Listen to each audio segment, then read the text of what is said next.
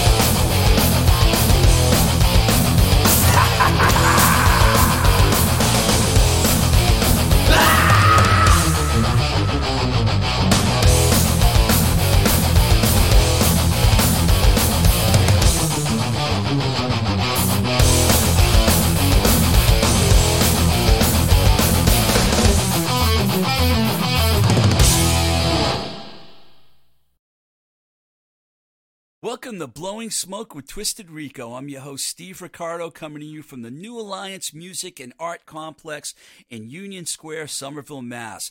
We just started our show off with the tune Wasteland from the album Why Play Around from the Boston based metal band Wargasm.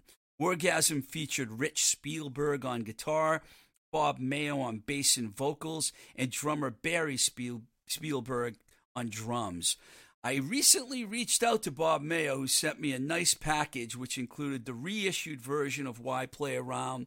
So we're going to try and get Bob to come on the show. We couldn't work it out for this time, but I definitely want to get him on at some point to talk about Wargasm because their story is really interesting. Um, at one time, they were one of the biggest metal bands in Boston. They opened for a ton of touring bands, including Slayer, Megadeth, Fates Warning, Nuclear Assault, Anthrax, etc.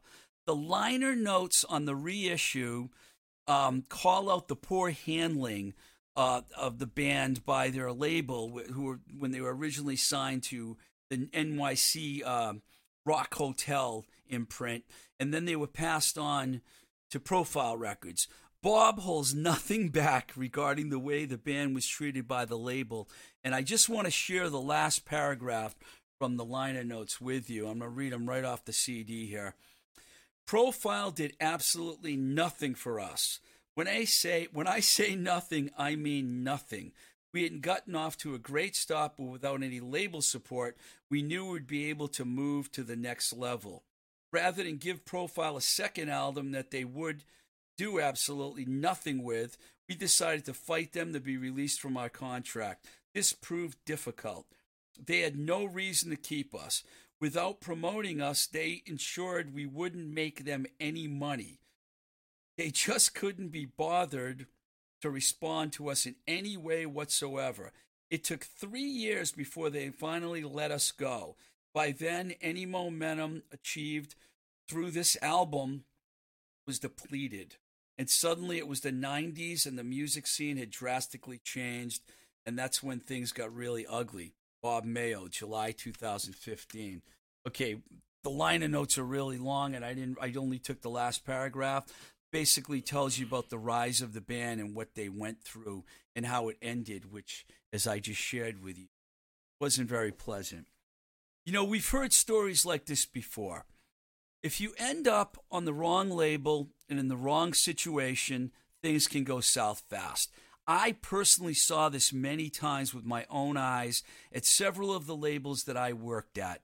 In fact, I once referred to Enigma Records as, quote, kind of like a shoe factory, unquote, in an interview.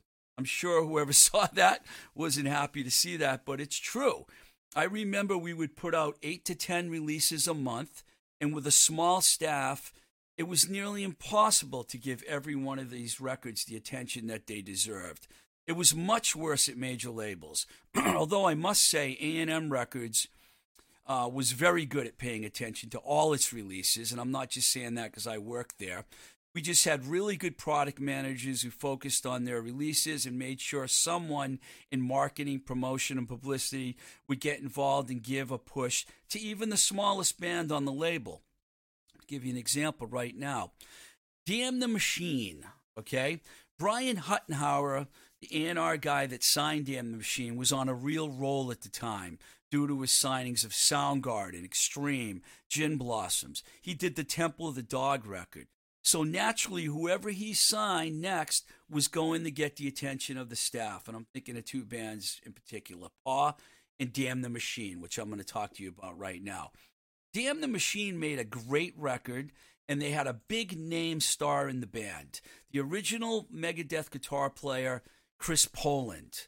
So everyone kind of knew who Chris was in the metal world.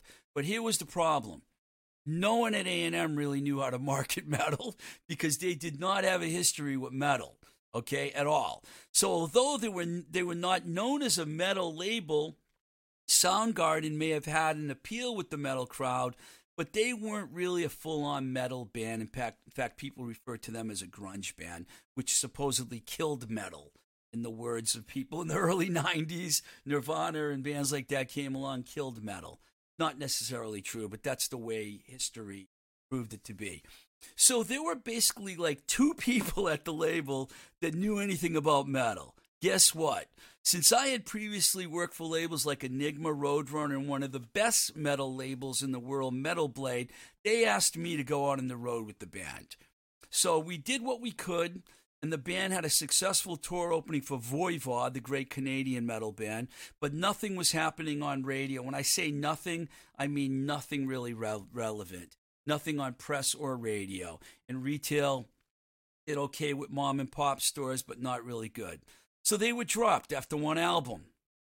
Sharing this story with you because I can relate to what Wargasm went through. You know, it, they're not the first band that ever happened to. You know, maybe that wasn't a great example, at least, you know, because they had me. Some bands had no one besides the A&R guy that signed them. And in, in most cases, after a record was made, the A&R guy wasn't around, had no involvement except to get the praise for signing the band what that's like too. Um, that example was A&M Records. It probably wasn't the best example. I'll give you a better one. It was even worse than that at other labels. Atlantic Records was one of the worst.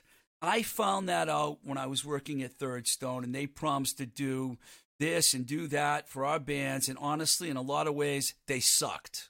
Uh, to this day, I believe the neighborhoods did everything they had to do to get a push from Atlantic Records. We told the band that Atlantic promised tour support if they got a good tour. Their manager, David Robinson, got them on the Tin Machine tour. And if you don't remember who Tin Machine was, well, David Bowie was in that band. I know you know he is. They were a very popular band. Atlantic didn't even blink. I ended up getting in a huge argument with everyone and had to leave the label because of that fiasco. So I feel for bands like Wargasm who never really got their shot. And I could give you a long list of bands that were signed and shafted, mostly because there was just not enough staff to get the job done. Or maybe there was just too many posers that got jobs at these major labels and bigger independent labels that were just too cool to promote some bands. It's sad, but it's a true observation of the way things were. Are things better now? because there's no more fully staffed record labels? Maybe, maybe not. Of course, I wish there were still fully staffed labels. Maybe I'd still be working for a record label right now if there was. Who knows? But aside from uh, what has happened with COVID, the new reality is that it's, it's gotten to the point where no one buys music anymore, and the bands have to rely on touring and selling merch and getting that elusive licensing deal, which is a very they're very hard to come by. I've worked with some bands that we've gotten licensing deals, but there's a, there's a lot of competition. Some people seem to like it better this way. It's hard to convince an old school guy like myself of that, but in some ways, I think it's great that the artist has full control of their music and their career. And that's that.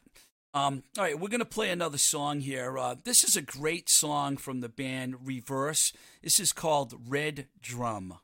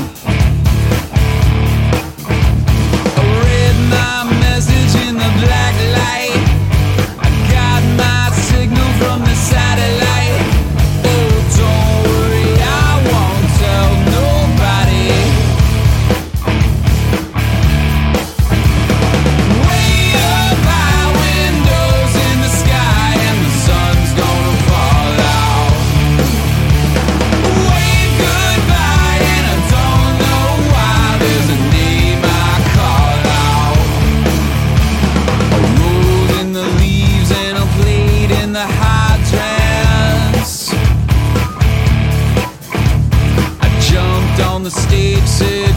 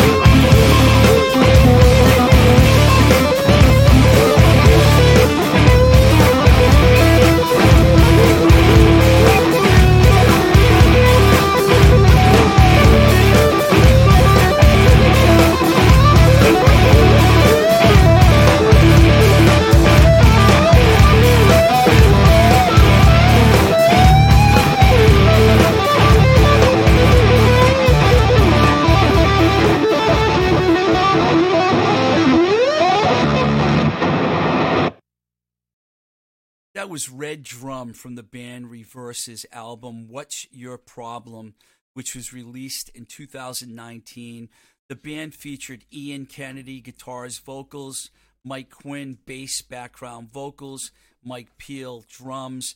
Recorded by John Taft, Ian Kennedy, and Mike Quinn at the old New Alliance Studios in Cambridge, Mass. And it was mixed by Matthew Ellard, uh, mastered by our very own Nick Z. I actually worked with a lot of these guys in the past um, Taft, Ellard, and Nick Z. Uh, all, all really good. M- Matthew Ellard was there when little Steven Van Zandt. I don't really like to mention his name, but I have to. when he produced the Charm song over Q Division, Matthew was the engineer. Good guy. Um, there's a sad part to this story because the you know Reverse lost their gifted guitarist singer Ian Kennedy in 2018. Sad to see him go at such a young age. Um, I have to say though, this record is one of the best records to come out of Boston in years. It's really, really, really good record. Um, you know what we're gonna do right now? Herb, Herb, are you there? Are you around? Hey. Hi, Herb.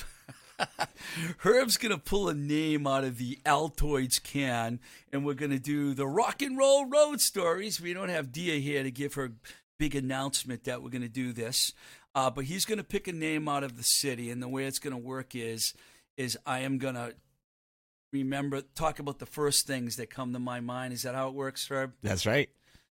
And All so, right. so you're gonna help me out and pick a good city that I'm gonna actually remember, so my memory will remember what happened. At least, I mean, I think that the story will be better if you have troubles remembering Oh, it. you. You know, but Yeah, like, well. here we go. Okay, on today's session of rock and roll road stories, we have the great, the only. We're talking about Milwaukee. Milwaukee. Wow, that's really funny because I was talking about Damn the Machine before, and I remember being in Milwaukee with Damn the Machine. If you don't know Milwaukee, it's like beer town, you know? It's like beer, beer, beer, and more beer. In fact, one day, well, I think I was with Damn the Machine, but I was also there with Paw. And I was there a few other bands. Some of the bands I go on tour with, I can't remember what happened. Paw was one of them because we just partied a little too heavy. We were on the road. But I remember I went to a baseball game. I think it was Fulton County Stadium. They might have a new stadium now. And they were serving um, these frozen rum drinks. At one o'clock in the afternoon, I started with the frozen rum drinks. And so by the time we got, we went to some record stores. I think Mainstream Records was the name of the store. Took the band down there.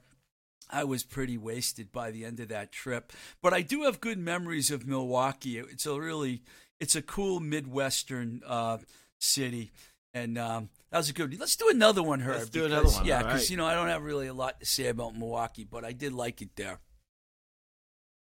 All right. The second pick. The second pick, Now you're gonna like this one. Richmond.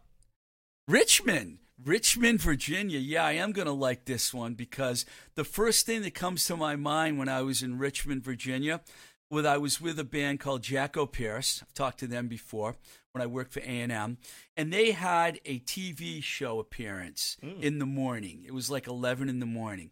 So I went and generally I would go to a hotel, get the band, bring them to their event. So they did their TV show thing. Take my glasses off for this story. And uh we picked him up and the bad that was the good news. The bad news or good news i guess you could say was there was a strip bar across the street from the tv station. So i looked at them. They looked at me and one o'clock in the afternoon let's go. We go to the strip bar and i'm not lying at all. There was a stripper there name's christine. We kind of locked in. We got locked in with each and those guys were like she likes you well, we ended up meeting later that night, and we actually ended up hanging out in Jamaica a little while after that. Oh wow. Christine Ash, that's not her real name, so I can say it. That's her like stage name, and uh, that's the one. Aside from hanging out with Jackopierce, they had a really good show there. Richmond's a funny town because it's kind of half the north and half the south. kind of a lot of Virginia's like that, you know? It's like one minute you feel like you're with a bunch of Yankees, and the next minute there's the Confederate flag hanging.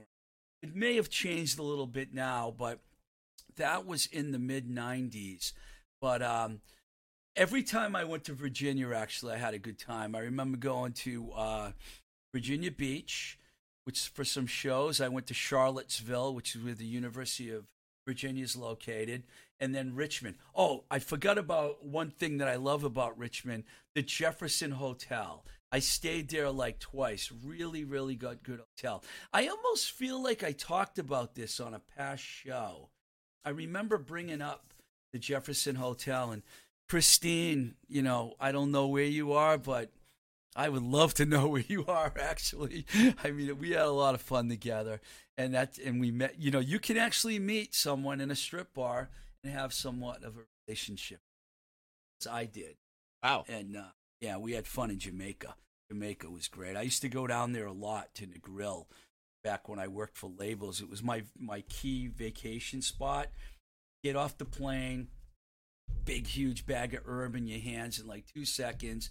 Beer, you buy beers for a buck, red stripes. You drive an hour and a half from Montego Bay to Negril. You stop along the way, smoke the weed, drink the beer. Once you get there, it's just one big party, man. Oh, I man. know you didn't pull Jamaica out of that can, but sorry. They're all connected. They're all inter- interconnected, right? Interconnected. Yeah. Yeah, Christine connected. Nice. All right, let's see. I got a couple other things. I just want to let everyone know before we go that the Swedish doom metal band and one of my favorite bands, Draconian, have a new record entitled Under the Godless Veil. It's coming out in October. I'm really excited about this record. I usually don't get into those doom bands, but this band is really, really good. I've liked them since they first came out, which I think was around 2004. Uh, you can get more info on that record and other stuff at draconianofficial.com. And the band also has an Instagram page called draconian underscore official, at draconian underscore official. Also, would like to thank JLS Design for co sponsoring this show along with the Moonbeam Cafe, who we talked about earlier. JLS Design does custom screen printing and embroidery. Great place to get t shirts, hats, hoodies, masks, etc. In fact, they made our Blowing Smoke with Twisted Rico t shirts and masks, which are both very popular. In fact, I'm going to have more t shirts. I'm getting them in a couple days. They're really light blue. They're mostly girls' t shirts because, believe it or not, I've had a bigger dena- demand from the women from the shirts than the men. Although I do see a few guys wearing. You got a shirt, right, Herb? Yeah, good. We'll get you. We'll get you a blue one. Wore it this last week to work. You wore it to work, and did they say who are those two weirdos on that shirt? No, they they they bitched me out because I wasn't wearing a collar shirt. Good reason to get bitched out. You can reach JLS Design, uh, JLSDesignPrinting.com. You can reach them at D- JLSDesignSales at gmail.com. If you contact JLS and tell them Blowing Smoke with Twisted Rico sent you, you'll get a 10% discount. Nothing wrong with a discount. It's really important that we support these mom and pop stores now more than ever. The mom and pop and independents, places like JLS, Moonbeam Cafe, Baby Loves Tacos, Dark Horse Pub, etc. These fine establishments need us now more than ever as we make our way through these difficult times, and they are difficult. Before leaving, I want to thank our engineer, Dorchester's own Herb Morsiglio. Herb's going to be gone for a, a little while. He's going to be handling the election. He's in charge of the entire Massachusetts election or something like that. So we're going to miss him. I'll be doing some shows with some other engineers, but I can assure you it won't be the same. Um, I want to also thank all our patrons who contribute uh, monthly to the Blowing Smoke with Twisted Rico podcast and helps us keep going. Kevin, Ellie, Maria, Chris W., Heather, Sue K., Matt, Dave, Brian, Benjamin, Lee, Chad, Christopher, Kim, Hector, and Kelly. If you want to help support the show, just go to patreon.com forward slash twisted rico for only one stinking dollar a month. You can support this show.